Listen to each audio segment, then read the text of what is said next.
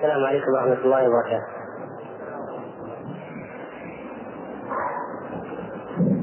فنحمد الله سبحانه وتعالى أن أعادنا وإياكم إلى هذه المجالس التي نسأله سبحانه أن تكون من مجالس الذكر. وأن يجعلنا وإياكم من المقبولين عنده. ومن الذين تحفهم الملائكة وتغشاهم الرحمة ويذكرهم الله في من عنده. ونسأل الله سبحانه وتعالى أن يجعلنا في أحوالنا كلها من المستقيمين على شرعه المتمسكين بسنة نبيه محمد صلى الله عليه وسلم. وموضوعنا هذه الليلة يتعلق بالقلوب. وموضوع القلوب موضوع حساس وهام والقلب يتقلب بشدة كما وصفه عليه السلام كالقدر إذا استجمعت غليانا بل هو أشد من القدر إذا اشتد غليانها. وهو يتقلب أيضا كما يصفه عليه السلام الحديث الصحيح الآخر كالريشة في الأرض الخلاء تقلبها الرياح ظهرا لبطن وبطنا لظهر. والقلب هذا يحتاج إلى نوع من خاص من التربية وهي التربية الإيمانية.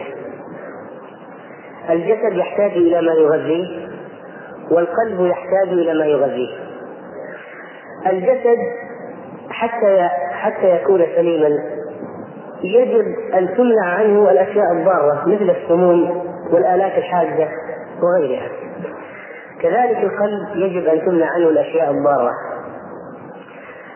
الجسم أحيانا يحتاج إلى نوع من الحمية حتى من الأشياء المباحة حتى يسلم. وكذلك القلب وكذلك القلب يحتاج إلى حمية. والتربية الإيمانية من أنواع أو يمكن يمكن أن تكون من أهم نوع من أنواع التربية. وهدف أو تعريف يمكن أن نعرف التربية الإيمانية لأنها تنقية القلب والارتقاء به حتى يكون سليما. إلا من أتى الله بقلب سليم.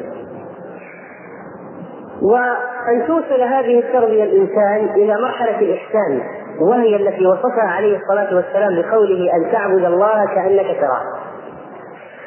ومجال هذه التربية في القلب. ما هي الأشياء من الإيمان الموجودة في القلب؟ قول القلب وعمل القلب.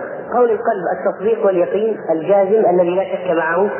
وعمل القلب وعمل القلب في أشياء كثيرة منها الرجاء الخوف الخشوع الحياء المحبة إلى آخره. والإيمانيات هذه أيها الإخوة هي أكبر الطاقات في نفس المسلم. الطاقة الإيمانية هي المحرك لجميع الأعمال.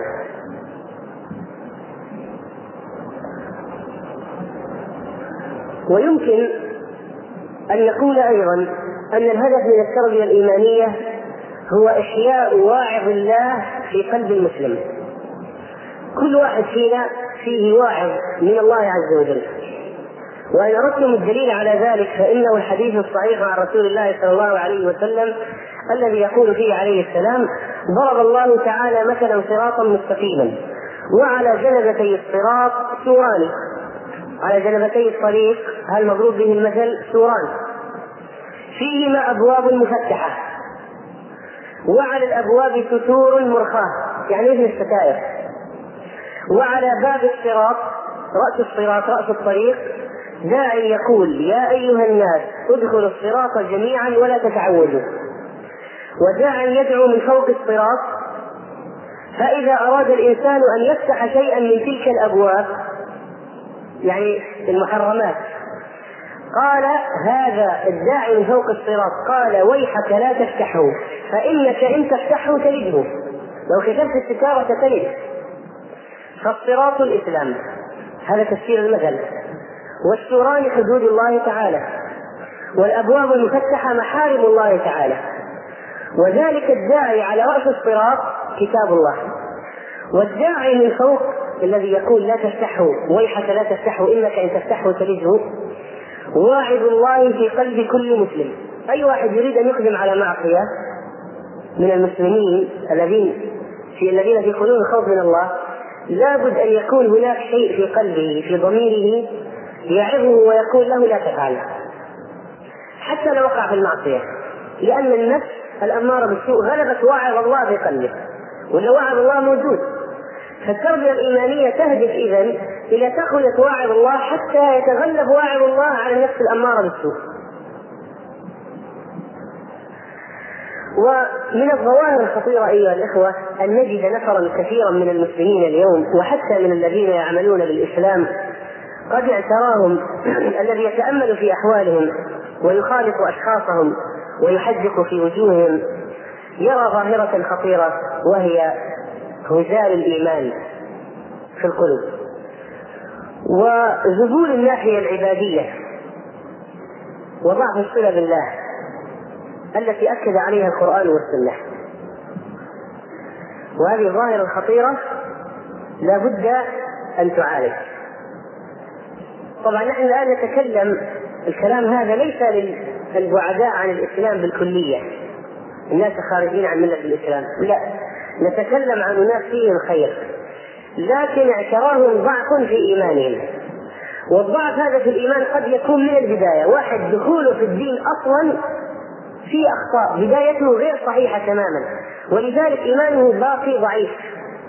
مع سيره في طريق الإسلام فإن ايمانه ضعيف لأن البداية خطأ فيها أخطاء. فيه ناس دخلوا في الدين بحماس والتزموا بشرع الله عز وجل أقبلوا على الله لكن مع طول مع طول الوقت واستمرار الزمن حصل عندهم الضعف في الإيمان. إلى هؤلاء سنتكلم ونوجه هذا الحديث. والحقيقة أيها الإخوة أنا أعترف لكم أن الكلام في قضايا الإيمانيات يحتاج إلى أشخاص يعني متخصصين. آه، يعني يتميزون بالشفافية وقوة الصلة بالله عز وجل والمداومة على العبادة. لأن الحديث الذي يخرج من قلوب هؤلاء يدخل في القلوب.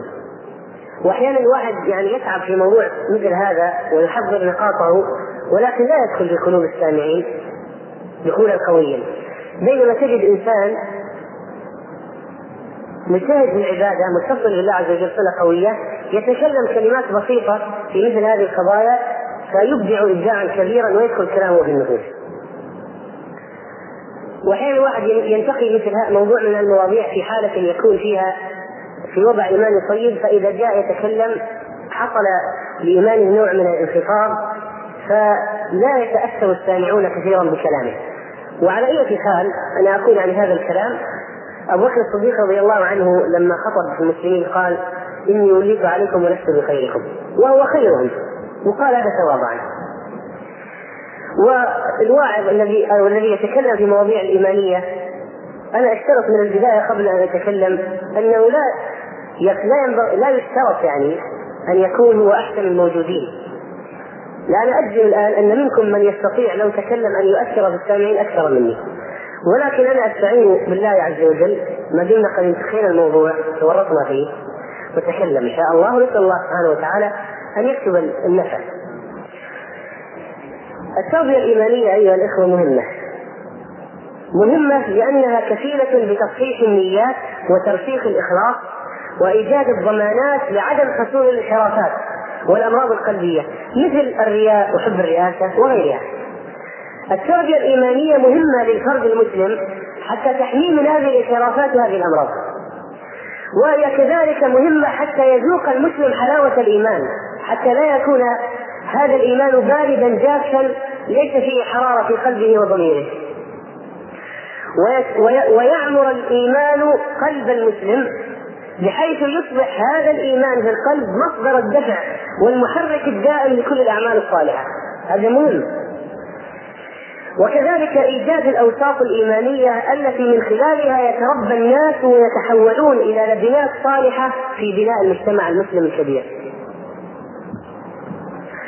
وهي كذلك التربية الإيمانية مهمة لضمان نجاح العمل الإسلامي الذي يختلف عن بقية الأعمال ويتميز عنها أكثر ما يتميز بهذه النقطة وهي الأشياء الإيمانية. لأن يمكن أن يكون عمل تجاري فيه دقة فيه قوة فيه حركة دائبة فيه تنسيق وتخطيط وكفاءة عالية عمل تجاري. العمل الإسلامي ينبغي أن يكون كذلك.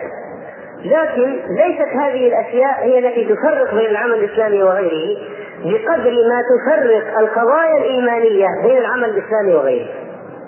وبدون الأشياء الإيمانية تتحول الدعوة إلى الله إلى عمل تجاري يعني شبه أعمال روتينية مثل القضايا التجارية أعمال دائمة وفيها تخطيط وتنسيق وكفاءة عالية مثل المؤسسات التجارية.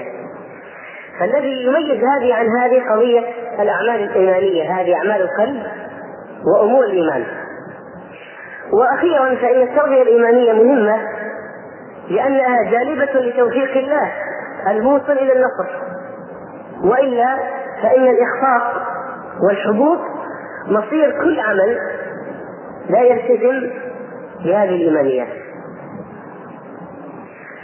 وضعف الإيمان أنا الآن أتكلم عن موضوع بعنوان ظاهرة ضعف الإيمان الأسباب والمظاهر والعلاج. وحتى لا نطيل الآن في هذه الليلة فسنتكلم عن المظاهر والأسباب. وفي المرة القادمة إن شاء الله سنتكلم عن العلاج لأن الوقت لن يكفي لعرض جميع النقاط. ضعف الإيمان أيها الإخوة من مظاهره أنه يؤدي إلى الوقوع في المعاصي والتدرج فيها من أكثر إلى أكثر سافلين. والوقوع في المنكرات بأنواعها وهناك أناس كثيرون كانوا في يوم من الأيام من أقوياء الإيمان فأصبحوا الآن ينظرون إلى المحرمات إلى النساء الأجنبيات ويشاركون في منكرات الأسواق وغيرها. وهذه المعاصي لها أضرار مدمرة ذكرها العلماء منهم ابن القيم رحمه الله في كتاب الداء والدواء. ولا بد من معرفة أن هذه الآثار والأضرار للمعاصي أشياء محسوسة. بل إن الرسول صلى الله عليه وسلم أخبرنا بخبر عجيب يبين لنا وضوح هذه الآثار المعاصي. فيقول عليه الصلاة والسلام في الحديث الصحيح الذي رواه الترمذي عن ابن عباس قال عليه السلام نزل الحجر الأسود من الجنة. هذا الحجر الأسود الآن اللي في الكعبة من أين نزل؟ من فين أخذوه؟ نزل من الجنة. وهو أشد بياضا من اللبن. نزل أشد بياضا من اللبن. فسودته خطايا بني آدم. هذا كان أشد بياضا من اللبن. فسودته خطايا بني آدم. فلاحظ كيف الآن الخطايا هذه آثارها مادية محسوسة. جعلت قلبت البياض سوادا ويذكر أحد علماء المسلمين في القرن السابع الهجري ربما أنه ذهب إلى الكعبة فوجد الحجر الأسود وفيه نقطة بيضاء. وبعد ذلك لمدة ذهب فوجد النقطة قد اختفت تماما.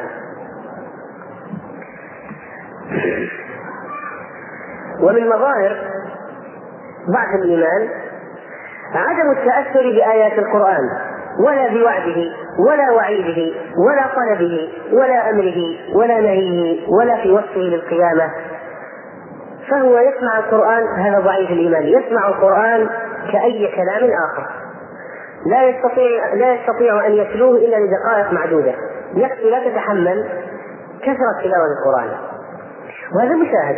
حين واحد يفتح القرآن يحاول أن يقرأ يحاول أن يقرأ فلا يستطيع أن يواصل أكثر من دقائق معدودة ثم يجد نفسه مضطرا لإغلاق المصحف وإعادته إلى مكانه. الاخوان في آخر نفس يتقدمون شوي من أجل إخواننا الداخلين يجدوا مكان. وكذلك أيها الإخوة من مظاهر ضعف الإيمان ضيق الصدر والحباس الطبعي حتى كأن على الإنسان ثقلا كبيرا ينوء به ويلهث تعبا منه فيصبح سريع التضجر والتأسف من أدنى شيء ويشعر بالضيق من تصرفات الناس حوله. بسبب ضعف الإيمان يحدث هذا. وكالعدم السماحة في نفسه والرسول صلى الله عليه وسلم يصف الإيمان بقوله الإيمان الصبر والسماحة فتزول السماحة من نفسه وتضعف نتيجة لضعف الإيمان. ويعقبها هذا ويعقبها هذا التأفف والتضجر وضيق الصدر. وعدم تحمل تصرفات الآخرين. ومن مظاهره كذلك الشعور بقسوة القلب وخشونته حتى لا يحس الإنسان أن قلبه قد انقلب حجرا صلدا لا يترشح منه شيء ولا يتأثر بشيء. وهذا ليس مبالغة لأن الله تعالى يقول ثم قست قلوبكم من بعد ذلك فهي كالحجارة أو أشد قسوة. ومن مظاهرها مظاهر ضعف الإيمان عدم إتقان العبادات. وهذه تتمثل في شرود الذهن أثناء الصلاة مثلا وشرود الذهن أثناء تلاوة القرآن وأثناء الأذكار مثلا بعد الصلوات أو دعاء الله عز وجل. عدم التفكر في معاني الأذكار كثيرا ما يحدث. يقرأ الإنسان الأذكار كعملية دورية رتيبة يداوم عليها. لكنه لا يفكر في معاني الأذكار وهو يقرأها. ولو اعتاد أن يدعو بدعاء معين في وقت معين جرت به السنة جاءت به السنة فإنه لا يفكر في معاني الدعاء. ومن مظاهر ضعف الإيمان التكاسل في أعمال الطاعات والعبادات والتفريط فيها. وإذا أداها فهي حركات جوفاء لا معنى لها. وإذا والله عز وجل وصف المنافقين فقال وإذا قاموا إلى الصلاة قاموا كسالى. فالتكاسل والإهمال في السنن الرواتب والنوافل وقيام الليل والأعمال الصالحة مثل التبكير إلى المسجد أحيانا يحصل فيه فتور وضعف. ومن مظاهر ضعف الإيمان غفلة عن الله عز وجل في ذكره ودعائه سبحانه وتعالى. فيثقل الذكر على الذاكر وإذا رفع يديه للدعاء فسرعان ما يقبضهما ويمضي.